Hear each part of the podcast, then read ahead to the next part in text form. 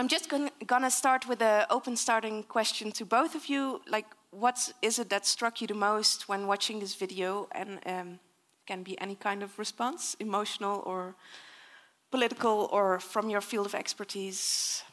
Yeah, Katrien, let's start yeah. with you. I think it's my microphone that's making some sounds when I move, but. Um, yeah? Well, let's start with Jan then, oh. from a practical point of view.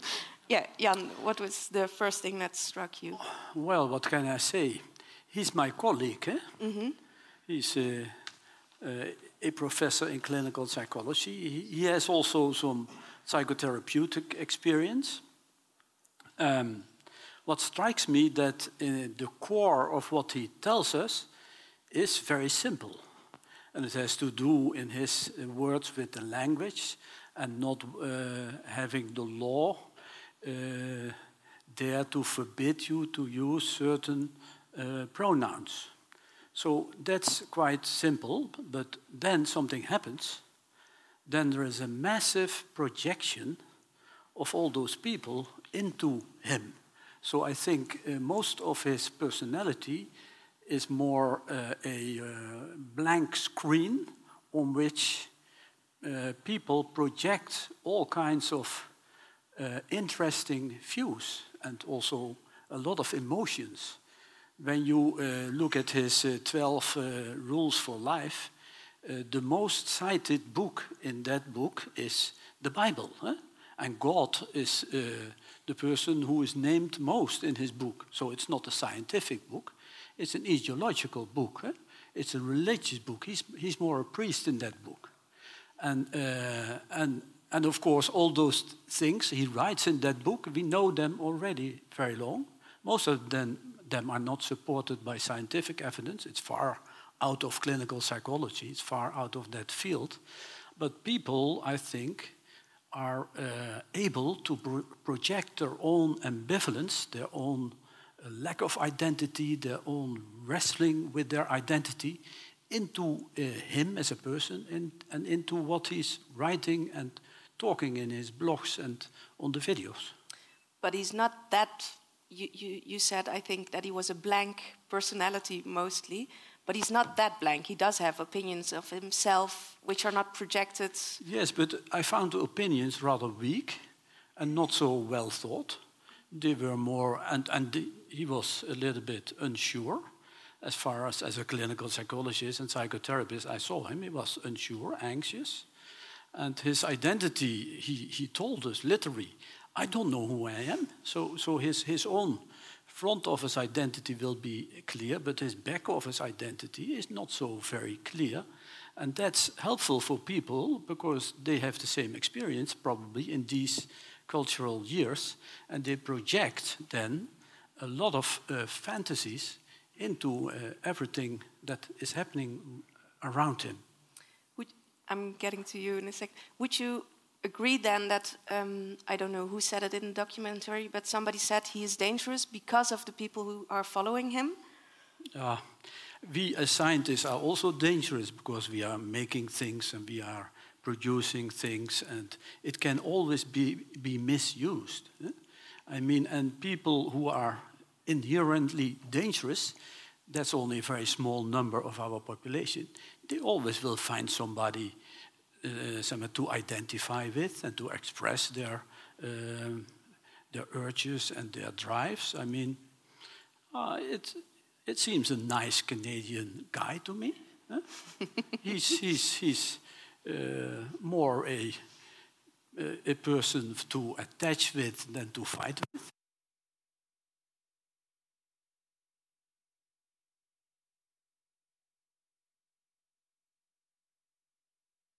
I also saw this. Well, of course, the the documentary is very much about this cult phenomenon of Peterson and how this completely plays out between extremely polarized um, opposite groups, and they both use very strong language to dismiss the other group. So um, Peterson talks about those social justice warriors who are um, oppressing his free speech, and from the other side, he's called a fascist or he's called a Nazi. So this um, conflict um, is extremely polarized. It's um, big words are being used.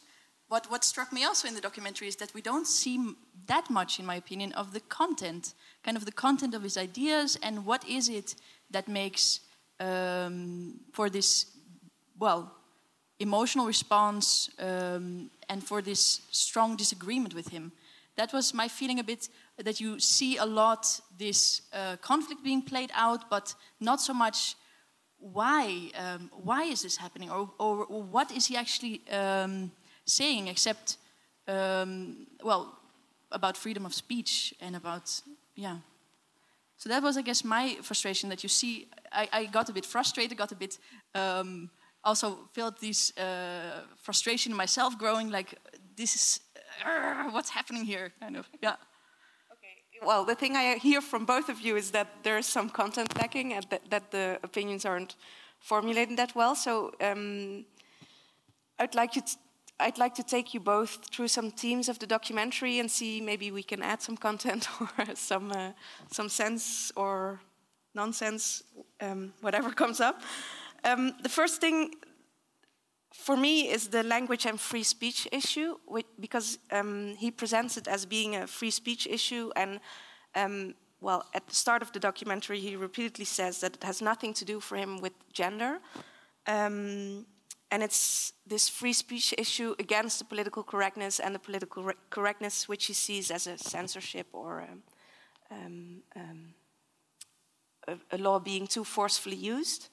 Um, do you agree with this or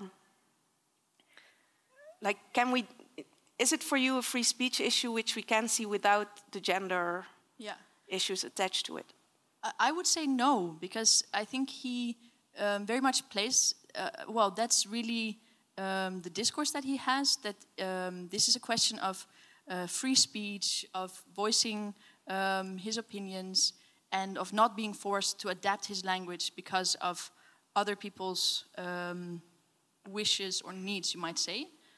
Um, but for me, it feels like this is kind of um, this is where he's constantly seeking the debate or where he's constantly uh, making his point.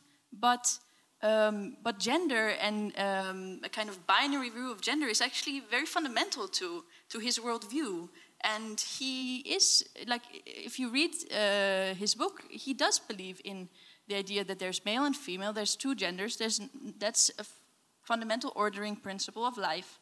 It's more ancient than humanity itself, and um, this is not an opinion, these are just facts, this is how it is. That is a really um, a perspective that he has. So, in that sense, he does not. Um, uh, he doesn't um, only think um, I shouldn't be told what to call someone else, but he thinks that non-binary or um, transgender, that these phenomena are problematic. He, he thinks that these uh, identities are not um, valid. So he's um, playing on the domain of free speech, and he says it's only nominally about gender, it's only nominally about sexuality, but um, throughout his thought is a very, um, well, he is very much concerned with um, proclaiming a certain view on what gender is, and what, um, what gender identity is, namely that it's rooted in biology, that it's simply a fact. So he is very much in opposition to people who would say that gender is socially constructed or that gender identity is,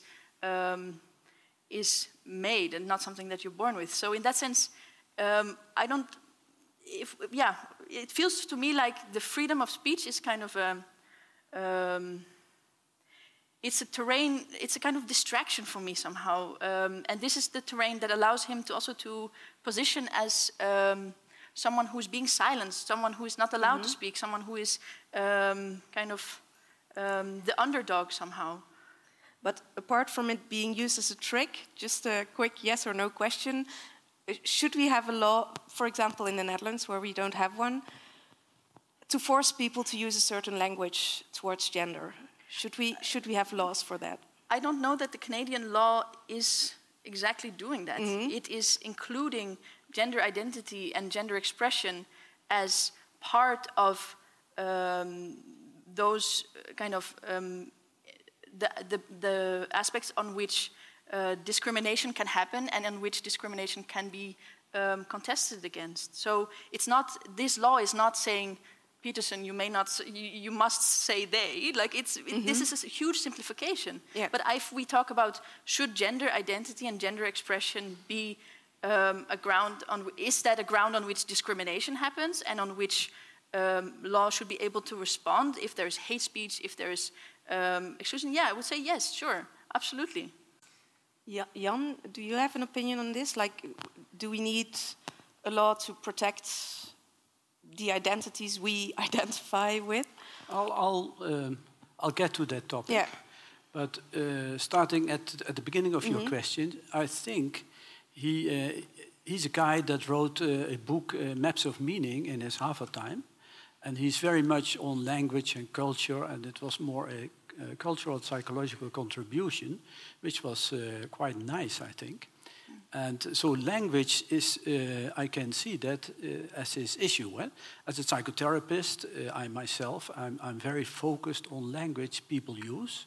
So I can understand his, uh, uh, his wish to keep language and the use of language free from the law. I can understand that. Uh, I think he didn't realize that he touched on the gender issue. I think he also did not do research in gender. So he's not very qualified on that topic. So somehow I think this overcame him. Uh, he, he, he victimized himself by saying it in that way, and then he, he had to do something. So then he starts talking a bit, uh, yeah, not as a professional about it, probably. Then still, uh, I can imagine something is happening. Eh? I mean, identity is something that uh, came to us uh, close after the Middle Ages. Martin Luther was one of the guys who talked about identity and the several layers of identity. And then in the Enlightenment, uh, it became an issue, and gradually people had their uh, personal identity. And as a psychotherapist, a psychoanalyst, I'm, I'm working most of my time with patients on their identity. But something happened here, something is happening. 40 years ago, somebody's sexual uh, identity, some, somebody's sexual interest were in the back office of the identity. They were not in the front office like nowadays. Nowadays, uh, sexual identity and all kinds of things of identity, your borderline identity, your high sensitive identity, they suddenly, last 40 years, came from the hidden psychological back office and they went to the psychological front office of their identity. And now they are in culture. So culture moves with the intra-psychic architecture and with the changing of the inner uh, that went outside, the, the personal inside identity. You kept secret your sexual identity most of the time, and you didn't talk about it. You repressed it, or you made, made friends with it yourself, but it was not in your communications. And last 20 to 40 years, and with the uh, social, with the uh, internet revolution and the social uh, mobility, all those earlier uh, personal deep seated uh, preferences now pop up in the front office. People communicate about sexuality. A hundred years ago, people did not communicate about their sexuality. Now they communicate about it. Identity is a topic. And now they make also their sexual strivings part of, crucial part of their identity suddenly. And then the vulnerabilities are also in culture because then you are vulnerable to how everybody reacts on that identity at the outside. Eh? Normally, you kept that inside, and you were not that vulnerable because you repressed your own deep seated personal identifications, especially on the sexual thing, and also your psychopathology. I treat that patient, eh, and he tells me, he said, Well, uh, the transgenders made it. And now everybody sees it as normal. And I, he says, I am in love every time with a seven year old boy. He's a male, eh? and with a seven year old boy. What do I have? Eh? Where's my possibility for, I, for an identity? For him, that identity is still warded off and it is not accepted in society, etc., etc. What happens in future? Will his identity also become part of somebody's front office? Will it also be part of our interactions? Will there be a law about that? So I find this very interesting. So I find this very interesting. I cannot evaluate that, I can only study it, and I find it interesting. I think laws shouldn't interfere in this time in culture. I don't think we have to do things with laws. Our culture is too much rule-based in a sense, eh? and we and we and we try to protect all kinds of things, uh, and then we can talk about ag aggression, and then we can sit here one more evening. I guess um, I want to respond to that because I guess I would tell um, this story in quite a different way. I would say that um, it was the social movements of the, of the second half of the 20th century, the feminist movement, the women's movement, um, LGBT movements, and um, civil rights and, and, and, black movements, which put, uh, which organized around marginalized identities uh, whether it's women, gays, lesbians, or um, people of color, and they put these topics on the political agenda. And they said, look, um, we've always been silent, we've always been ignored, we've always been invisible, but we are here and we speak as women and we speak as gays, and we um, are no longer happy with.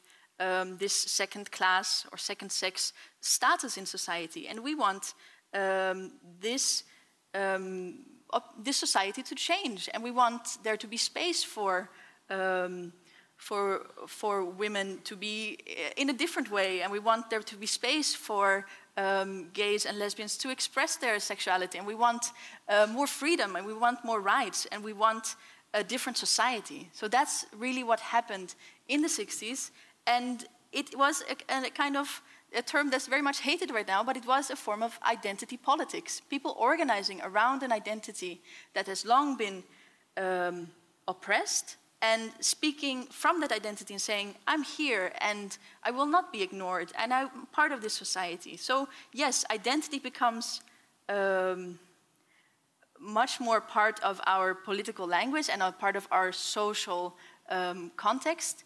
But these are the kind of progressive movements which have brought us um, where we are today, um, in which no long, when which women have the vote. It's only 100 years ago, in which um, we no longer think that slavery and colonialism are acceptable. That's only 100, a little bit more than 150 years but ago. If, but so, you know, this have brought us a great uh, shift in a way in our um, societies. These and shift is very recent, and and yeah. and, and, they and they covered up uh, a vulnerability. Eh? People, when you repress things in your own uh, psychological landscape, uh, most of the time you are less vulnerable. And yeah. now it's all in the open. Eh? It, it's like a spring culture. Eh? everything of people is in the open. Social media are very helpful in that process, and people are more vulnerable. They have more adaptational problems to adapt to their environment. It's more difficult than 40 years ago. I also see that in my patients. I, have seen patients for 40 years, and you see that movement. And now we are so busy psychotherapists and coaches and all those people who are helping because people have difficulties in adapting. Yeah, they are vulnerable and. Um, yeah. And that's also what happens. I'm, I'm not against or uh, in favor of it. It's only what we can see that's happening in our time. And there's more yeah. happening. But I think one thing that is interesting to me is okay, that you say that this repression. Um, I, I hadn't been used to think of this repression as a like a good thing because I would say yes, maybe things are more on the surface now. They're more um, on the open, but maybe that's what allows us to uh, deal with them. I don't know. Oh, oh, yeah. well, I it's, think it's one, one second, I, because I think we're touching up on you, you, are both talking about history, uh, but in the last let let's just take the last ten years or something, we do see a rise of what. I think Peterson um, describes as political correctness, what you describe as um, um, um, um some kind of harder identification. Some would describe it as a oversensitivity, um, where people do tend to identify more clearly and openly about um, whichever and identity it is, whether it's racial, gender. And then they are more vulnerable at the outside. So society and culture has to create a stricter normative pattern. Yeah, but there is them. also huh? a bigger sensitivity, I would yes, say. The, it's big, not only it's because they are open that they become vulnerable. It's also something that they uh, they want as well. Yeah, sure. It's a right. It's a striving. Eh? But then society has to protect them in place of that they were protecting themselves earlier. So now we get that interesting culture in which uh, in, the, in the Netherlands, 17 million people have their own opinions and their own vulnerabilities, and they want to be heard. And, and they can post their visions on the internet every day. So it's, uh, it's changing. The ICT revolution makes more psychological changes than in all the years earlier. But is it really ICT or is it this identification? Because you, no, I, I think when you talk about my, is, is also, of course, it has to do with uh, movements, with the feminism, social rights movement. Those movements are part of our culture, and they uh, stimulate some of the expression. Also, what you can see is in, in traditional culture there are true, there are three shortages. Eh? One shortage is that we are uh, mortal. The other shortage is that we are only of one generation. And the third shortage always was we are only of one gender. This is a fundamental position in psychoanalysis and cultural anthropology that is at the basic, basic of the Western society. And this is trembling now. Mm. We like to be immortal, we do everything to keep young.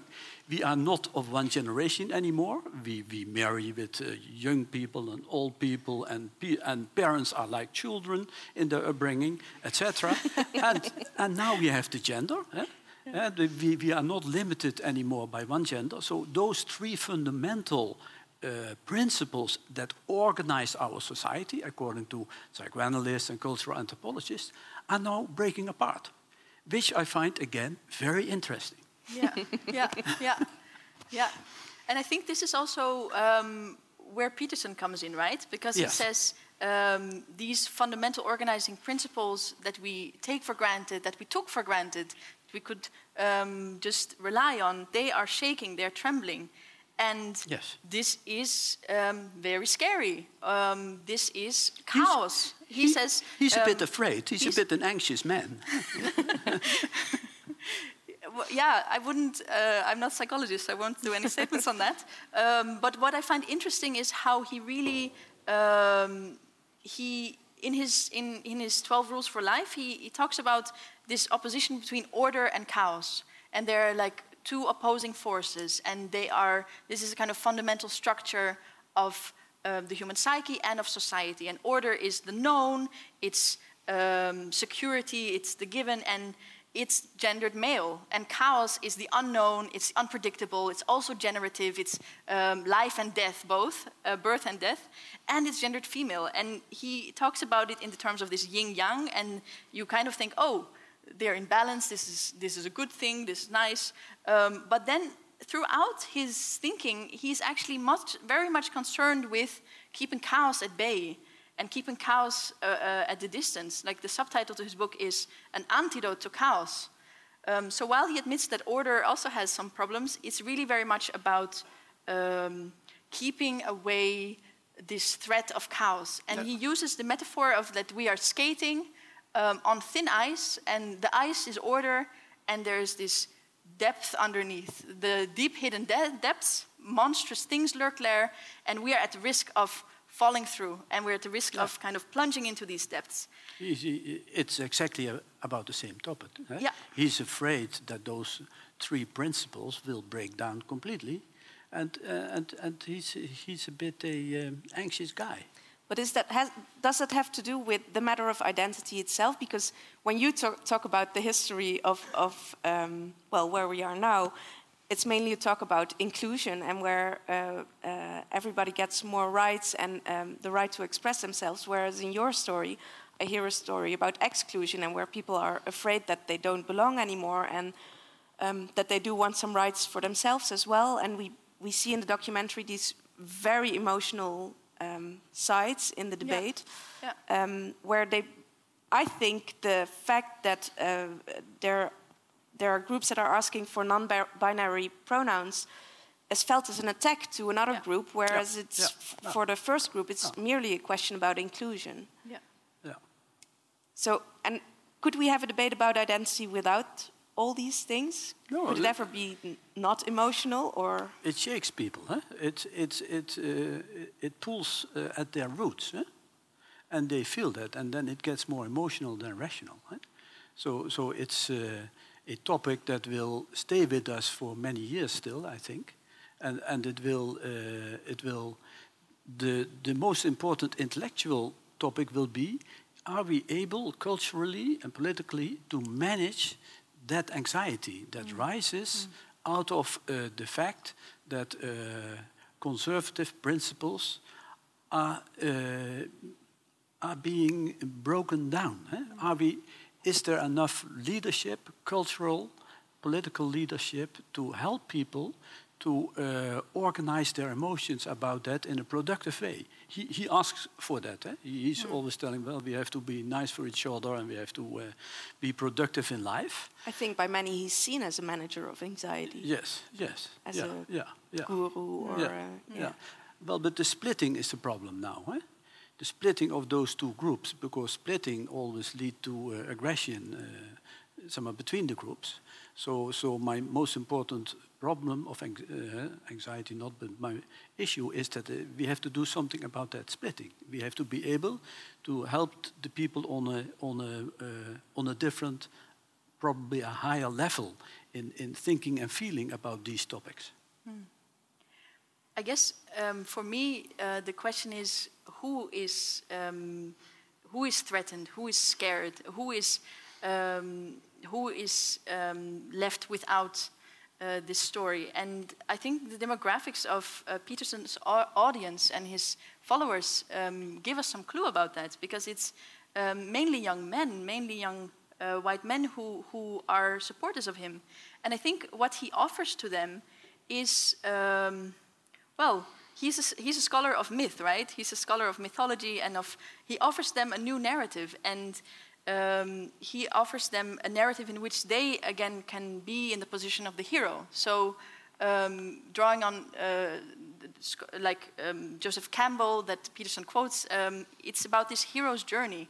There's a hero, he meets adversity, he meets challenges, and he overcomes.